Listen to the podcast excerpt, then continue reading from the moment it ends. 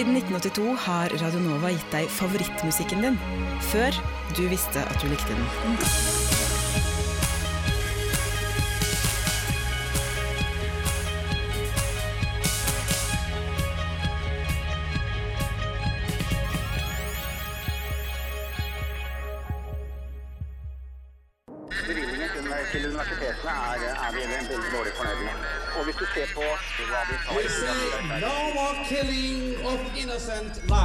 Ja, det, den saken eh, tapte vi i Soria Moria-forhandlingene. Men hvorfor tapte dere når alle er enige om det? Eh, Nei, det var ikke så stor enighet som det kunne Jeg tror du møter den tradisjonelle brytningen mellom individets frihet og samfunnets ønske om beskyttelse. Lokalt, nasjonalt, internasjonalt. Nyhetsdialog går i dybden. For mange økonomiutdanninger, det sier eh, leder i Norsk studentorganisasjon, Ola Magnussen Rydje. Men eh, kunnskapsministeren han vil ikke gå inn og styre dette. Ja, altså Jeg er ikke mot det som sådan, men det jeg er mot er at man skal detaljstyre hvilke masterprogrammer et eh, universitet skal opprette, og hvilke masterprogrammer en høyskole skal opprette. Og vi mangler realfagsstudenter, men eh, videregående elever vil unngå matematikken. eh, mer interessert i historie og engelsk da, som språk. Når det kommer til matte og litt sånn noe som jeg vil definere som tyngre stoff, så vil ikke jeg være noe som interesserer meg. Og du skal få hjelp med motivasjonen nå som studiene er i gang. Nyhetsfredag. Fredager klokken 11 på Radio Nova FM 99,3. Du hører altså på Nyhetsfredag her på Radio Nova, og mitt navn det er Marie Røsland. Mye av dagens sending den blir preget av eh, Næringslivets hovedorganisasjon sin årskonferanse Læringslivet. Vi skal eh, inn i fremtidens eh, arbeidsmarked og i nåtidens arbeidsledighet. Men først så skal du få ukens viktigste studentnyheter ved Adrian Nyhammer Olsen. Nyhetsfredag gir deg ukas viktigste studentnyheter. Næringslivets hovedorganisasjon holdt årskonferansen Læringslivet onsdag denne uken. Ola Magnussen Rydje talte på vegne av studentene og etterlyste et konkret initiativ fra høyere hold. Utdanningssektoren har ikke evnet å styre organiseringen selv, og vi trenger en overordnet nasjonal plan. To, politikerne har per i dag ikke turt å gjøre noe med det, og statsråd Isaksen, det er en utfordring til deg. Kunnskapsminister Torbjørn Røe Isaksen talte etterpå og sa seg enig i at man må i større grad stille krav til utdanningsinstitusjonene. Vi må stille krav til høyere utdanningssystemet. Om kvalitet, om relevans og om innhold. Strukturen i høyere utdanning den må følge av kvalitetskravene vi stiller, ikke omvendt. Ruter innfører studentrabatt for alle studenter, ikke bare for de som studerer i Oslo og Akershus. Det har vært en eh, urettferdig forskjellsbehandling, sier eh, Ruters informasjonssjef til Aftenposten. Endringen betyr at hvis showmien din fra Bergen besøker deg i Oslo, må han eller hun ikke betale full pris. Høgskolen i Oslo og Akershus bruker fem millioner kroner på årets rekrutteringskampanje. Det melder studentavisen Krono.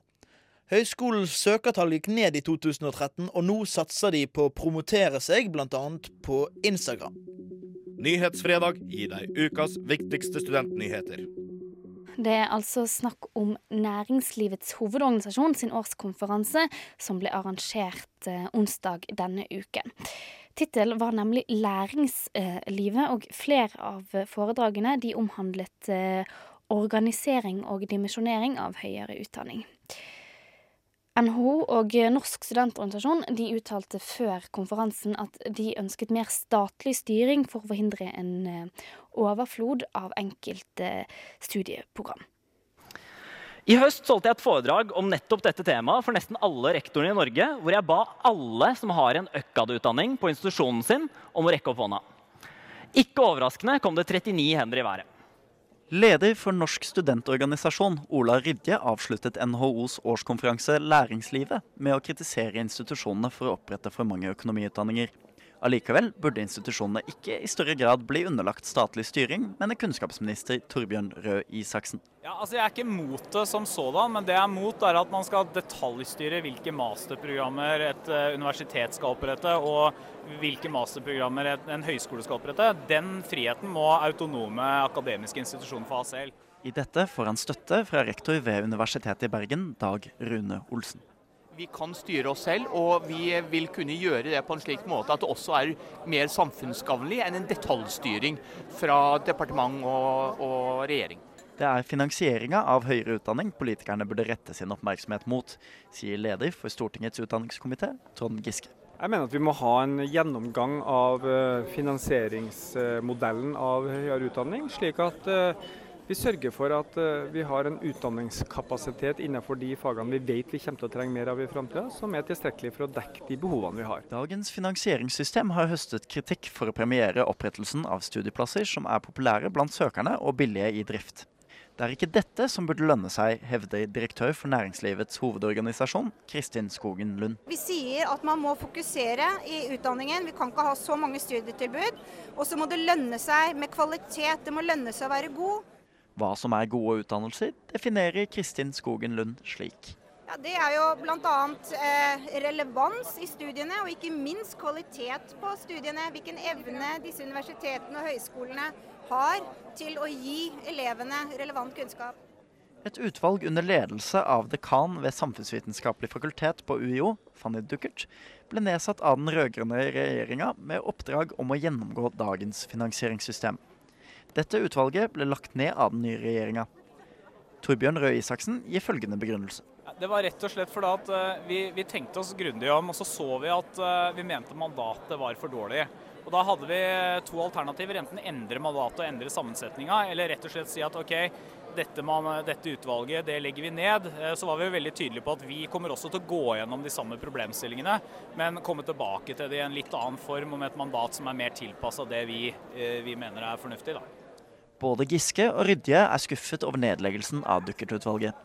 Men de oppfordrer til å regne med at det opprettes et nytt. Det er jeg skuffa over, for det gjør at vi nå blir forsinka i den gjennomgangen av finansieringssystemene for uh, høyskoler og universitet. Eh, kunnskapsministeren har sagt at det skal komme et nytt utvalg. Det haster. Vi trenger å komme i gang med det arbeidet raskt, ellers så blir vi eh, forsinka. Så her må det vises litt gjennomføringskraft. Eh, vi er skuffa over at, lagt ned, at utvalget ble lagt ned først, men vi er veldig glad for at eh, kunnskapsministeren og regjeringen sier at det kommer til å komme et nytt enten utvalg eller noen andre som skal se på systemet, fordi de sier seg helt åpenbart ikke fornøyd med dagens finansieringssystem. Det er liten tvil om at søkerne kommer til å påvirke hvilke studietilbud som finnes i Norge, også i fremtida. Torbjørn Røe Isaksen kommer med følgende oppfordring til de som søker studieplass. Hvis drømmen din er å bli filmskaper, og så ser du at vi har et stort behov for realfagslærere, og du er også interessert i matematikk og naturfag, så kan det hende du har større sjanse til å få en interessant jobb på enden hvis du velger eh, en lærerutdannelse med fordypning i realfag. Reporter her det var Helge Switters. Og som vi hørte kunnskapsministeren, så er det behov for bl.a. Eh, flere lærere med spesialisering i realfag. Og Statistisk sentralbyrå de gir ut eh, prognoser på hva slags arbeidsplasser det er behov for i eh, fremtidens Norge. Og i studio nå så har vi fått besøk av Nils Martin Stølen, forskningsleder i SSB. Og hvordan kan dere forutse hva slags arbeidsplasser det er behov for i fremtidens Norge? Eh, det er en del hovedtrekk i næringsstrukturen som vi er i stand til å forutse. Bl.a. at veksten vil fortsette i de tjenesteytende næringene, herunder da undervisning, helse og omsorg, men og andre tjenesteytende næringer. Og så vil sysselsettingen trolig gå ned i primærnæringene og også en del industrinæringer, selv om industrisysselsettingen totalt eh, ikke eh, endrer seg så mye. Men hvordan kan dere da se spesifikt at det f.eks. er behov for lærere innenfor realfag, da? Ja, og så sammenholder vi dette da med eh, også utviklingstrekk som skjer innenfor hver næring, med at eh, det er en betydelig spesialisering som skjer, og det er behov for arbeidskraft med økt utdanning, både videregående fagutdanning og høyere utdanning. Og som en sum av dette, da, så kan vi eh, eh, trekke ut en del hovedtrekk for hvordan det går med viktige yrkesgrupper. Det er jo selvsagt betydelig usikkerhet, og vi er ikke i stand til å si noe sånn eh, detaljert heller. Eh, så det med eh, realfagslærere, det er egentlig mer detaljert enn det vi eh, kan si, men vi ser for det første da, at det blir mangel på lærere, og så ser vi jo også at eh, det har vært og fortsatt kan være en del mangel på folk med realfagskompetanse. Og, og, Derfor så er det kanskje lett å trekke den slutningen at det fortsatt vil bli mangel på realfagslærere. Og den viktigste årsaken til det, det er jo også at vi vet at mange realfagslærere nærmer seg pensjonsalderen. Og samtidig da så eh, har det vært litt for liten oppslutning om eh, en del av realfagsstudiene. Men du er inne på det, men dette med hvor sikkert dette er. Men hvor lett er det for uh, f.eks. noen skal søkes inn på studiene og få en garanti uh, for at uh, hei, her har du en sikker jobb i fremtiden? Ja, Det er veldig vanskelig å gi garantier, fordi at uh, det er jo mange ting som påvirker etterspørselen, og i hvilken grad en person kommer igjennom med relativt uh, såpass brukbare karakterer at uh, vedkommende når opp i konkurransen. Det er jo ingen som kan gi noen garanti for. Men vi er i stand til å se hvilke grupper som det trolig blir mangel på, gitt at det ikke utdannes flere. Og da er jo helsepersonell og lærere typiske slike grupper. Og vi ser også det, at det vil være underskudd på en del med realfagskompetanse. Men eh, nå er jo det snart eh, søknadsfrist for eh, høyere Eller ikke snart, om noen måneder, men om høyere, til høyere utdanning. Og hva er det i tillegg til eh, helse og utdanning, hvilken andre fagområder er det som kan eh, gi en form for jobbgaranti da, i fremtiden? Ja, vi ser òg at eh, det vil bli for få som utdanner seg innenfor eh, videregående fagopplæring retta inn mot industri, bygge- og anleggsvirksomhet. Så selv om sysselsettingen innenfor de områdene ikke øker så mye totalt sett, så er det nå en klar tendens til at det er ønskelig at de som får jobb der, har en form for videregående fagopplæring. Og som kjent så har det vært en del problemer med gjennomføringen i videregående skole for de utdanningsgruppene. Hva er da i motsatt eh, retning? Hva er det man ikke bør eh, hoppe på utdanningstoget til? Ja, det er litt eh, vanskelig å si, fordi at eh, Eh, ja, jeg vil heller si det sånn at eh, det beste er å ta utdanning. Så det som all statistikk viser, det er at eh, de som ikke kommer gjennom videregående skole, de stiller langt svakere på arbeidsmarkedet enn alle andre. Eh, men vi venter jo ikke noen sånn særlig stor arbeidsledighet i Norge totalt sett i åra som kommer. Og sånn sett da så vil de som har en eh, utdanning være eh, ja, bortimot sikra en jobb, selv om da en del må velge, kan må ta en jobb som det kanskje da ikke står helt, helt midt i blinken for den utdanningen de har valgt. Ja, for Vi så bl.a. Aftenposten slo opp denne uken at uh, det var en masterstudent, altså en som hadde studert master i sosiologi, som ikke fikk uh, jobb. Uh, og det er en tendens innenfor humanistiske fag. Vil det også være vanskelig å få jobb innenfor de fagfeltene også i fremtiden?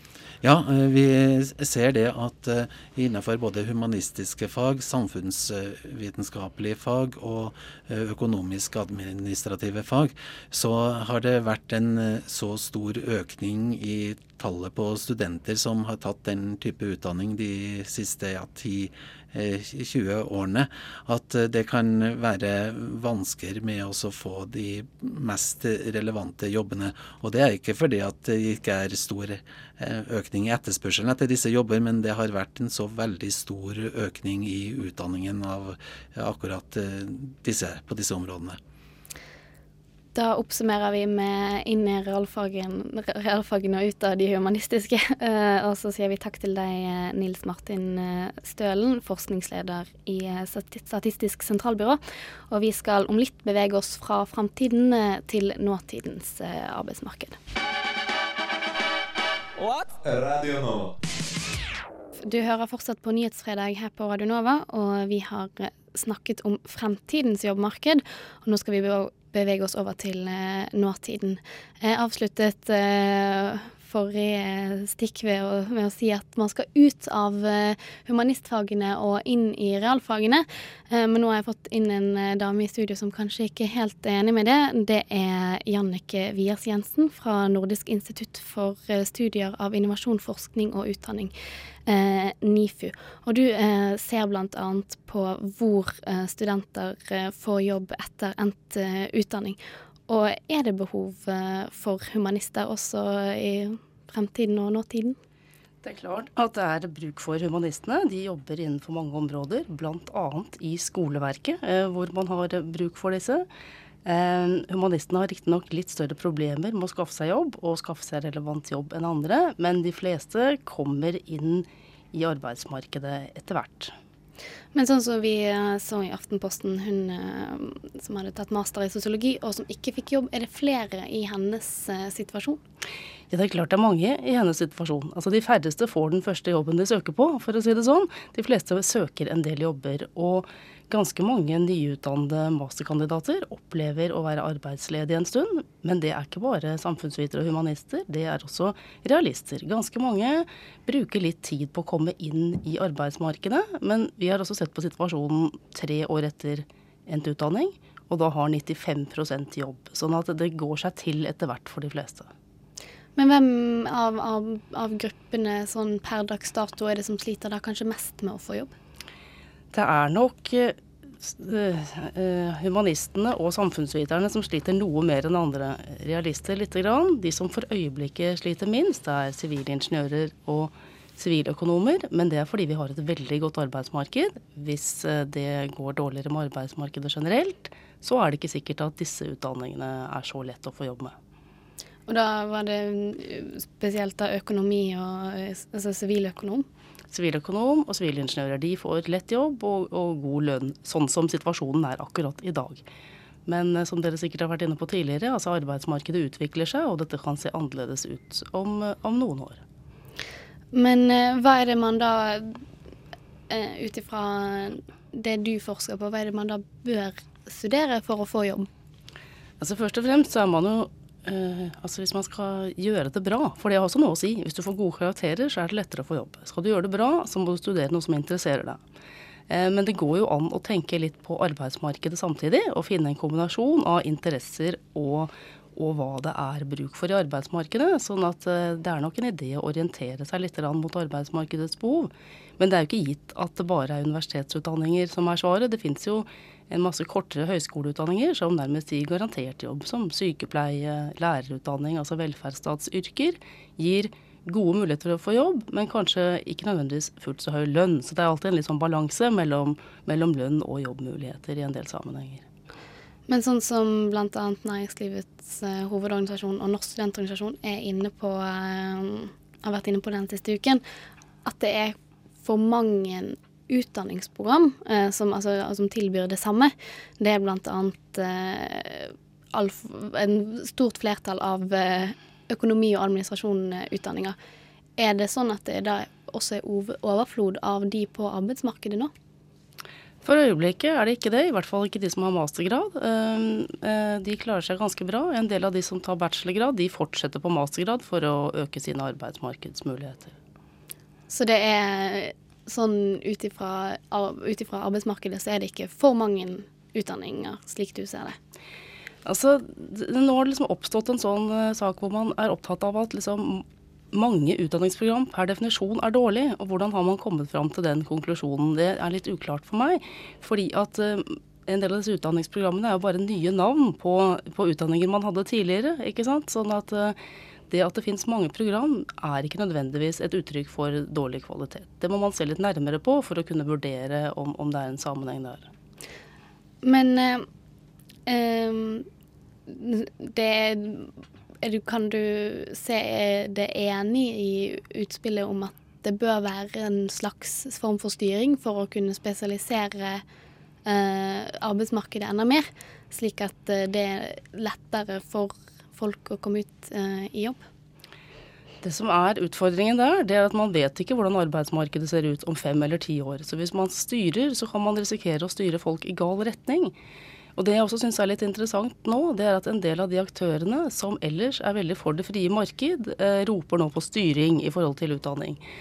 Eh, jeg tror ikke at det er så lett å styre dette. Man kan gjøre det litt med insentiver, med, med, stipendiering og gi gode råd om hva det er behov for. Men i og med at dette endrer seg eh, hele tiden, så er det ikke det så enkelt å planlegge seg fram til perfekt match mellom kandidater og arbeidsmarked. Takk til deg, eh, Jannike Wiers Jensen, som er forsker ved Nordisk institutt for eh, studier av innovasjon, forskning og eh, utdanning. Og eh, selv om det er litt uenighet om akkurat hva det er behov for, eh, så er det kanskje litt ekstra behov for eh, nettopp da realister. og det er, som kunnskapsministeren uttalte tidligere i sendingen, spesielt gjerne behov for lærere eh, med spesialisering innenfor realfag. Men høyere stipend for realfagsstudenter det er ikke en løsning, ifølge ministeren. Jeg holder på med en bachelor i biologi akkurat nå. Jeg studerer materialer, energi og nanoteknologi. Eh, jeg studerer lektor i realfag. De finnes faktisk, disse realfagsstudentene.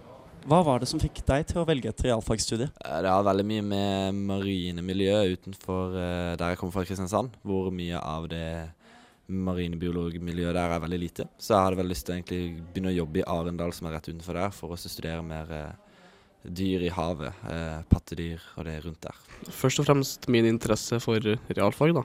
Spesielt da naturfag og fysikk. Eh, fordi jeg er veldig interessert i matematikk, eh, fysikk og kjemi.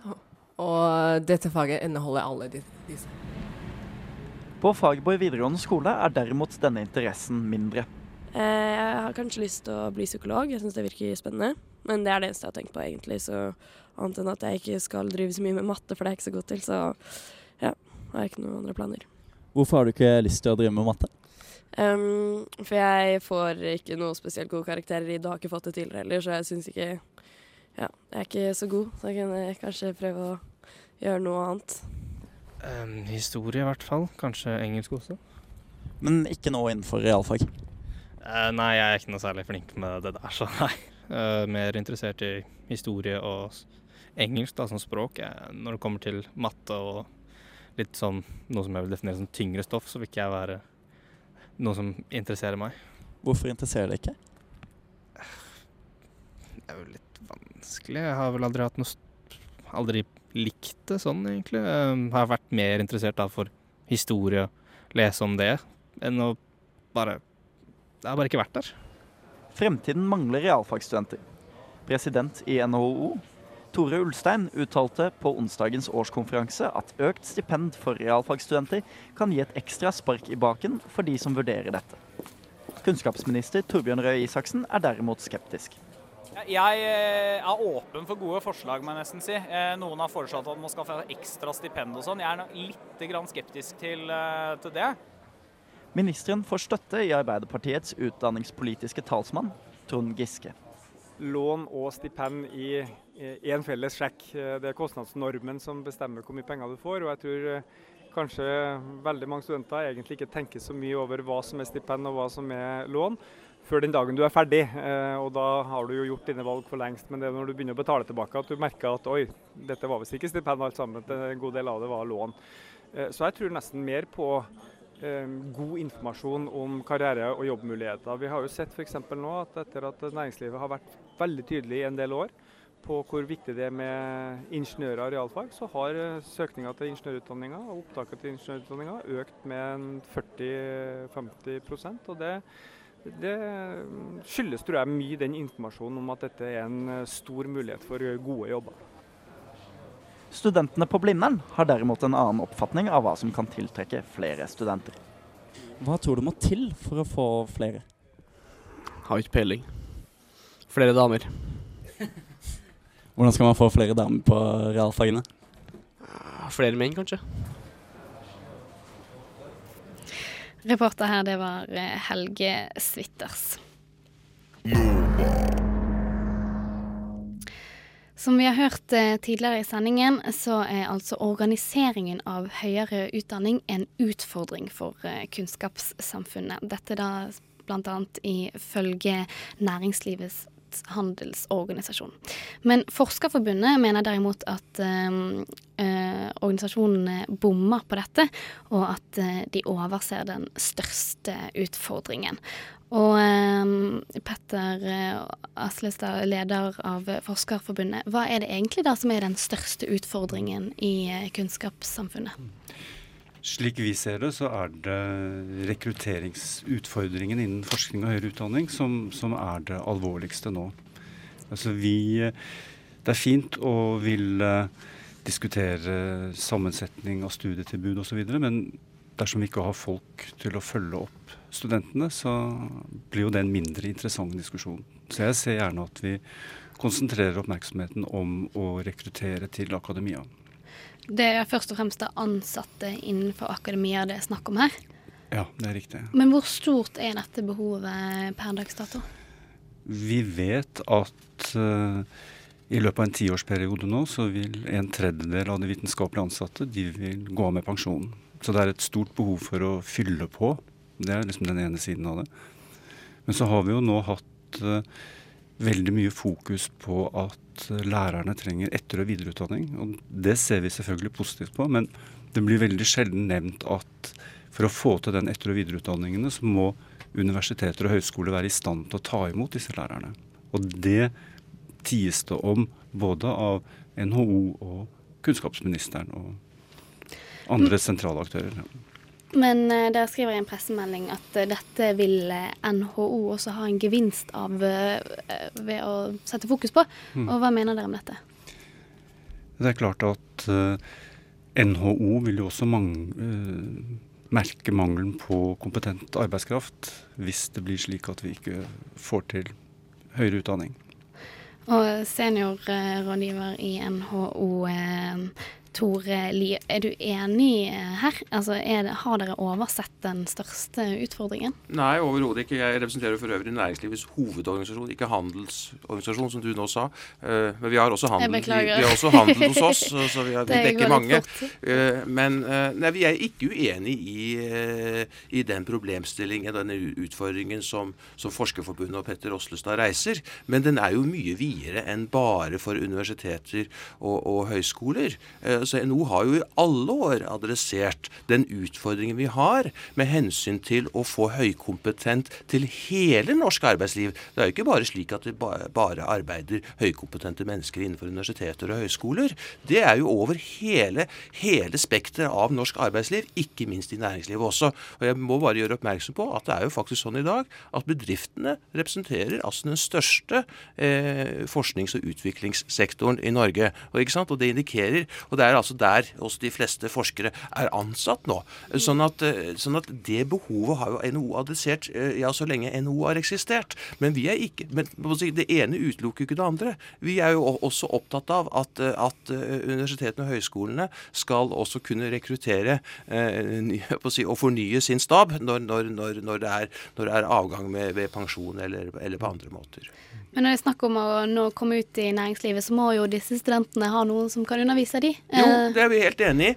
Eh, og derfor så har vi også adressert Vi er helt vi er ikke uenige med Forskerforbundet når de tar opp dette. Nå er det jo sånn da, når vi da vi, vi har jo ikke oversett dette, selv om vi nå ikke har tatt dette opp direkte som et av våre fire forslag på, på NOs årskonferanse, eh, hvor vi da hadde fire, fire, fire, hovedforslag som vi kom med. Så har vi jo en rekke andre forslag som vi kom med. Si, uforlatelig.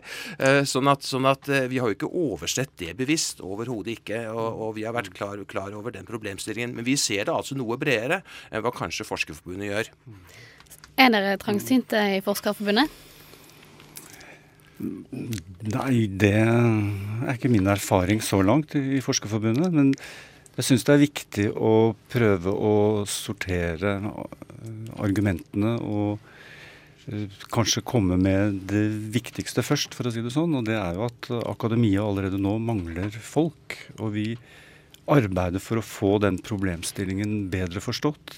Vi har ikke hatt fullt gjennomslag i departementet enda, og vi har tatt til orde for at vi ønsker oss en rekrutteringsstrategi at uh, sektoren og departementet går sammen om en rekrutteringsstrategi. Den vil være, tror jeg, ganske viktig i denne langtidsplanen for forskning og høyere utdanning som statsråden har varslet at kommer til høsten. Men hvordan er det da NHO kan eh, bidra til mm. dette? Hvorfor er det så viktig at de mm. fronter dette? Jeg er veldig glad for at eh, NHO understreker hvor viktig dette er nå her i denne sammenhengen. Og jeg skulle håpe på at uh, det kanskje også ble nevnt i litt andre sammenhenger også. Det har jo vært mye fokus på at man ønsker å kvitte seg med, med, unyttige studier og disse tingene som, som Det er jo Man får jo oppmerksomhet av slike utsagn, og man vekker også et visst raseri i visse kretser, som fører til en eller annen dynamikk. Men jeg skulle gjerne sett at vi fokuserte på det litt mindre spektakulære, at man trenger fornyelse av folk i akademia. Men hva er det da NHO kan bidra med, eh, siden dere direkte henvender dere til NHO her? Det er klart at eh, NHO er en uh, vesentlig samfunnsaktør. Det har vi jo sett de siste 14 dagene, hvor avisene stort sett har vært dominert av hva NHO har tatt opp på sin konferanse. Så, så dette er en slags oppfordring til NHO om å ta med denne argumentasjonen, også i tillegg til det andre de er opptatt av. Hva jo, altså, men, vi, men jeg vil gjerne si her at uh, det har vi jo egentlig gjort. Men så gjør vi nok så gjør vi, så, så gjør vi en, en, prioritering som jeg nok tror at kanskje ikke Forskerforbundet da vil følge oss på. For vi, gjør, uh, vi går jo da inn på også dimensjonering på fagområder. Mm. Og vi må jo også være opptatt av hva våre medlemsbedrifter melder inn til oss. Og, og det er at mm. behovet for uh, naturvitere og teknologer, det er, det er liksom den store flaskehalsen for for uh, veldig mange av mm. våre medlemsbedrifter. Selvfølgelig har de også annen type fagkompetanse i, i, sine virksomheter, men der hvor vi har hørt i, i alle år at det er etterspørsel, uh, hvor også tilbudet ikke klarer å ivareta etterspørselen, mm. det er innen realfagskandidater. Så vi ville nok, uh, vi vil nok også sagt at der, hvis man da skal også være opptatt av rekruttering inn mot universitets- og høyskolesystemet på, på stab, vitenskapelig staben, så er det veldig viktig at vi får For det har vi også sagt sagt at det er viktig at man får eh, rekruttert, eh, styrket rekrutteringssituasjonen og får, får, flere styrket disse fagenes også plass innenfor akademia. Og så, eh, sånn det har, og, der, og der vil nok vi skille noe lag med Forskerforbundet. Og Der vil jeg gjerne utfordre Forskerforbundet, for jeg tror at det er nok en viss skal vi si, forskjell. Vi hører jo også rapporter om at det er jo, det er jo mange, mange søkere per vitenskapelig stilling innen enkelte fagområder. altså Innen SV-fagene tror jeg det finnes sånn, mens det kanskje er innen andre fagområder mm. hvor det kanskje ikke er så, så stor søkning. Sånn at denne utfordringen som Forskerforbundet helt sikkert riktig adresserer, den er nok, varierer nok mellom mm. ulike fagområder. Du er klart å bli utfordret her borte? Ja da, og det er klart at også for oss så fremstår eh, mangelen på teknologi og naturvitenskapelig kompetanse det, det er jo et, et stort og, og, sentralt spørsmål som vi også vil gjerne bidra til å finne løsninger på. Men da, men da tror jeg jeg tror ikke det er veien å gå og snakke om de unyttige studiene. Man bør heller understreke institusjonenes autonomi og deres samfunnsansvar om å utvikle, videreutvikle disse fagtilbudene. Det har jo vært snakk om nå at man skal tilsette flere lærere som kan etterutdanne i matematikk og realfag, altså på universitetene. Men hvor finner vi disse folkene? Altså, de må da også utdannes. Så vi må sørge for at institusjonene blir i stand til å finne disse folka. Ja, det er vi jo helt enig i fra NHO. Vi hadde, en, eh, vi hadde en sånn årskonferanse i 2008 hvor vi særlig adresserte den utfordringen knyttet til eh, eh, mangel på realfagskompetanse i, land, da, i, vårt land. Og da er det ikke bare sånn at vi må begynne, på, begynne ved høyere utdanningsinstitusjoner. Vi må begynne, med, vi, vi må begynne helt, helt, helt, helt, ned i grunnskolen. Eh, og, og, og, det tok vi opp allerede den gangen. Og, og vi har på en måte gjentatt noe av det budskapet denne gangen også. Du skal få en kommentar. Eh. Ja. På NHO-konferansen så var det veldig slående, og syns jeg også veldig flott, eh, dette fokuset på at eh, det er veldig viktig å begynne i barnehagestadiet med, med, å utvikle folk. Og for å få til det så trenger vi også bedre førskolelærerutdanninger. Men er, dere virker som dere Du er ganske enig med mye av det NHO har kommet frem mm. til? Det er klart at både NHO og Forskerforbundet er ansvarlige samfunnsaktører som tenker på et visst prinsipielt nivå, og vi kan finne, finne, overenskomster i våre synspunkter. Men vi ville nok valgt en, en noe annen prioritering. Jeg har også lyst til å tilføye når vi alle sammen hele tiden sier at det mangler kompetanse innenfor teknologi og naturvitenskap. Som humanist så har jeg også lyst til å tilføye at språkkompetansen er også i fare i det norske samfunnet. Helt til slutt. Eh, etter denne samtalen, kunne dere prioritert det annerledes? Ja, Hvis du tenker i forhold til, eh, forhold til altså årskonferansen, så tror jeg du vil svare nei på det. Altså, Der har vi valgt disse fire, og det er jo etter en nøye vurdering av hva vi ønsket å foreslå. Litt ut ifra det brede utdanningsløpet, altså læringslivet. ikke sant? Og, og, Det er jo ikke sånn at læringslivet tar slutt eh, ved at man håper å si, har en ferdig grad fra en høyskole eller noe sånt, eller et fagbrev. altså Kanskje er det da det begynner, når man går ut i arbeidslivet. Det er et meget viktig poeng for NHO, at arbeidslivet er en meget, meget viktig læringsarena. Arbeidslivet som eh, læringsarena får bli siste ord. Eh, takk til eh, dere, eh, Petter eh, Aslestad, leder i Forskerforbundet, og Tor Li, seniorrådgiver i Næringslivets hovedorganisasjon. Eh, og vi skal straks tilbake til realfag, som har vært mye av temaet. For mens bl.a. kunnskapsministeren roper etter sterkere realfagssatsing, så skjer det motsatte ved realfagsstudiene på Høgskolen i Oslo og Akershus. Nei, jeg syns det er uh, dårlig band, og så er det altfor dyrt. Og så holder jeg meg egentlig mest mulig unna alt som har med sosiale ting og samfunn og studenter å gjøre. Nyhetsfredag gir deg studentlivet. Du hører fortsatt på Nyhetsfredag her på Radio Nova, og vi har i dag snakket mye om fremtidens arbeidsplasser, og ikke, nå, eh, og ikke bare også og også nåtidens eh, eh, behov for arbeidsplasser. Og vi trenger flere og bedre realfagstudenter. Eh, men denne uken så gikk dekan ved Fakultet for teknologi, kunst og design på Høgskolen i Oslo og Akershus ut i nettavisen Krono og sa at det var grunn for bekymring etter kutt i budsjettene som svekket eh, realfagene ved ingeniørutdanningen. Og dekan eh, Peter Øyan, hva er det som eh, bekymrer deg her? Det som bekymrer oss, det er at vi skal ha gjennom ingeniørstudenter på et høyt nivå som passer til de behovene som samfunnet har. Men jeg må bare presisere en ting. Det er egentlig ikke finansieringen av fakultetet som er problemstillingen her. Den er aldeles utmerket. Fakultetet går bra, og vi kan uh, investere ganske godt i uh, fremtidig utvikling av kvaliteten i studiene. Men hva er det som da er problemet? Eh, problemet er nok at Hvordan skal jeg si det? vi har vi sliter med å få eh, nok lærekrefter, spesielt i ingeniørfagene.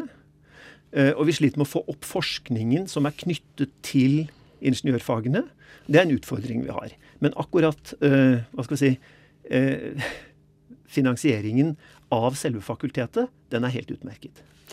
Men, så det mangler altså folk til å undervise på ingeniørutdanningen. Men hvordan er det dette skal kunne forbedres? Altså Hvordan skal man få ferdigutdannede ingeniører til å ville gå inn i akademia? Det med å få de til å gå inn i akademia er egentlig litt sånn at det er noen som ønsker å være i akademia, og så er det noen som er veldig næringslivsorientert. Det er ikke så veldig kritisk. Det fins folk som velger både den ene og den andre retningen ikke sant? ut fra personlig interesse. Eh, det vi eh, jobber med, det er jo kvaliteten i studiene. Hele tiden. Det er veldig stor fokus for oss.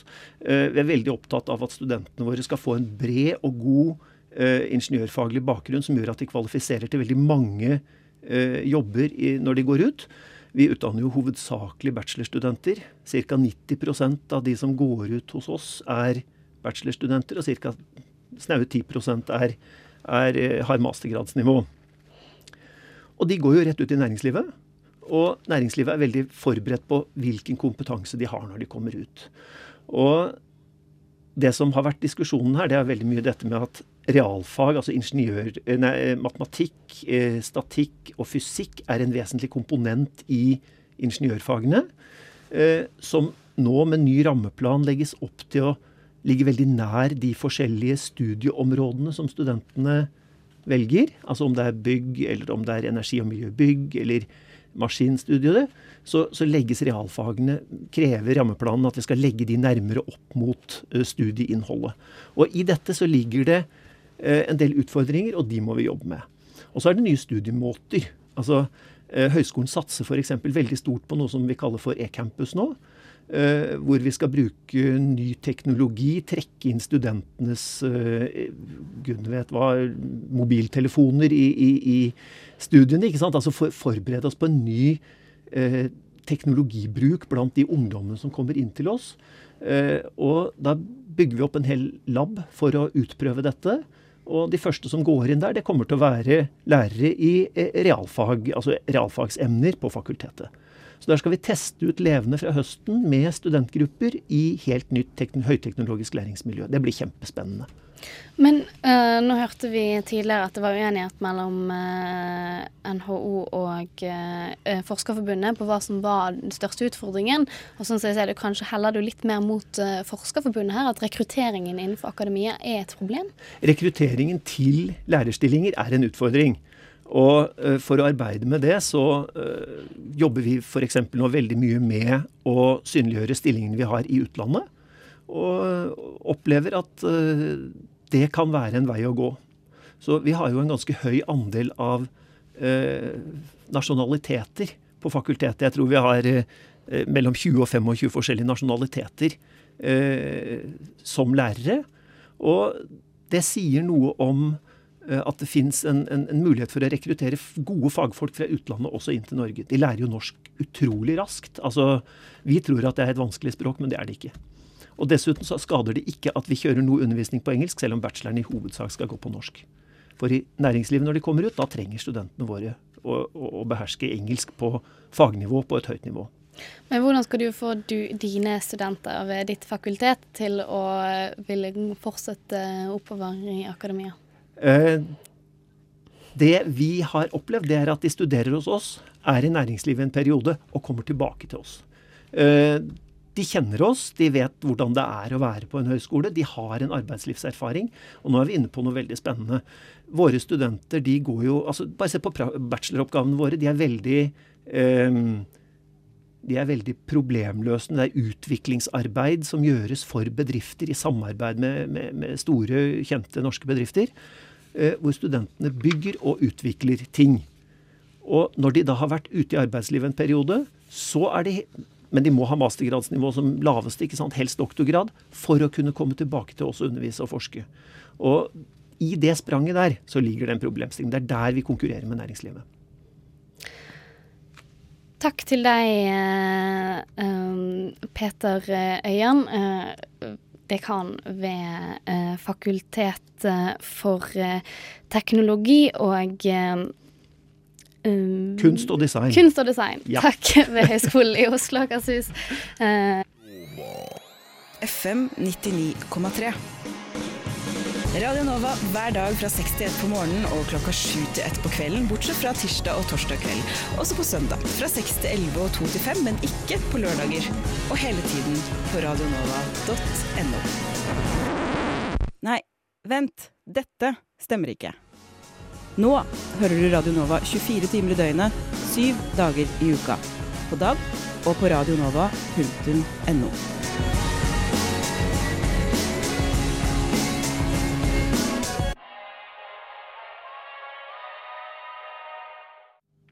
Vi skal gå fra eh, rekruttering eh, til, eh, innenfor akademiet til motivasjon til studiene. For ved studiestart så kan det være et problem å få opp motivasjonen ved studiene, og vi har snakket med idrettspsykolog Frank Abrahamsen ved Norges idrettshøgskole, som har gitt oss noen tips på hvordan vi kan få motivasjon i gang.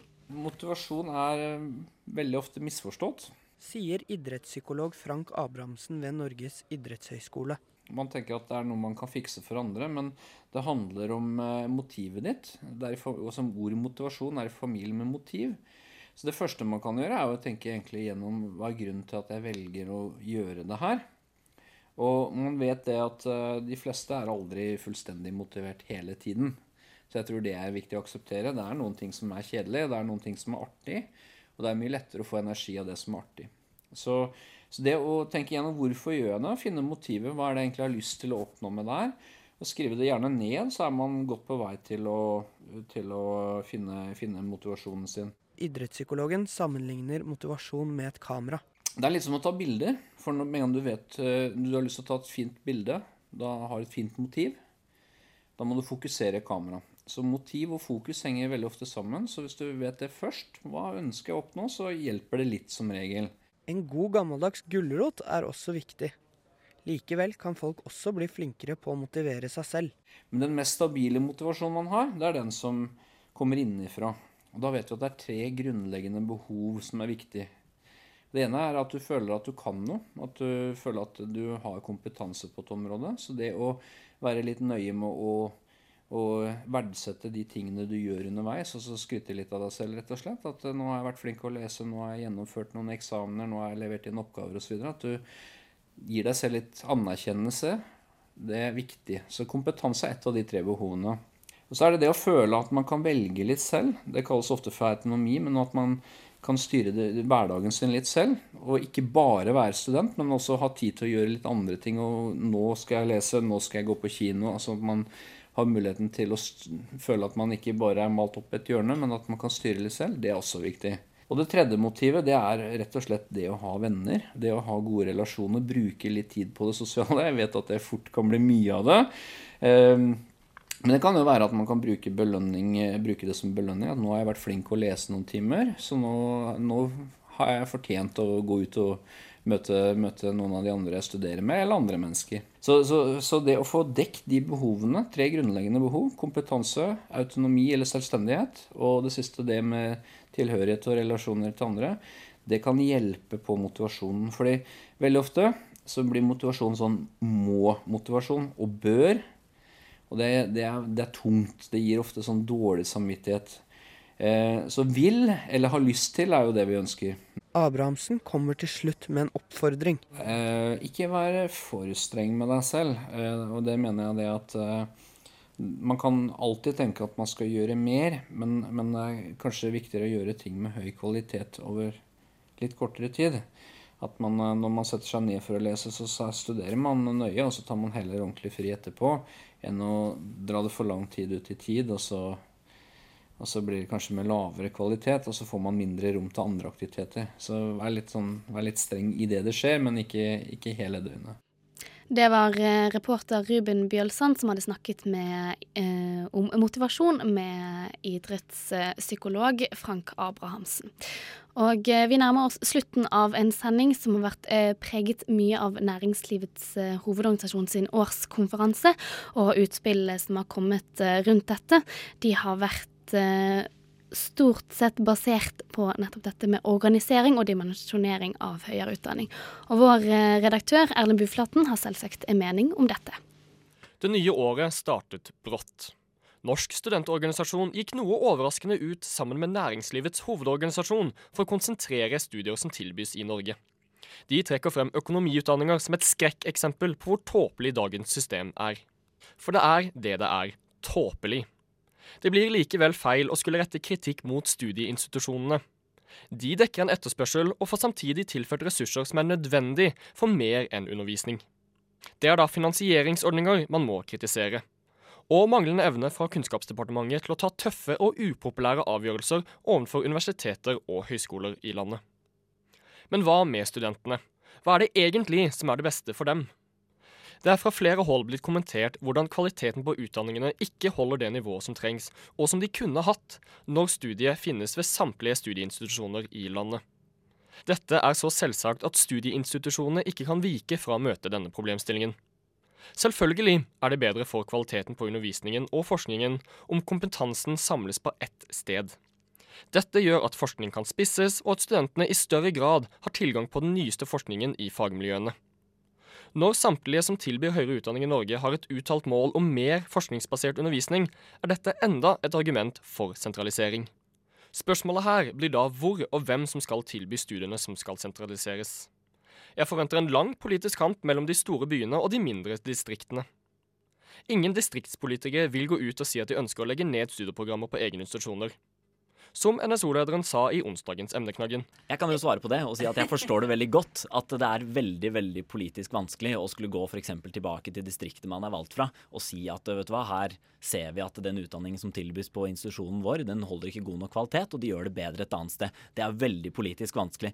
Det viktigste er ikke hvor studiene tilbys, så lenge de holder høy kvalitet, og så lenge det er tilgjengelig. Det var da eh, vår redaktør Erlend Buflaten eh, som eh, kommenterte konsentreringen av studieprogram. Nyhetsfredag det er over eh, for denne gang, og vi er selvsagt tilbake neste uke med flere viktige saker fra din studenthverdag. Eh, men du må også få med deg onsdagens debattprogram Emneknaggen, som nå sendes fra 17.30 Bidragsytere her har vært eh, Helge Switters, Adrian Nyhammer Olsen og Ruben Bjølstad. Tekniker Ida Brenna, og mitt navn det er Marie Røsland. Nyhetsfredag. Fredager klokken 11 på Radio Nova FM 99,3.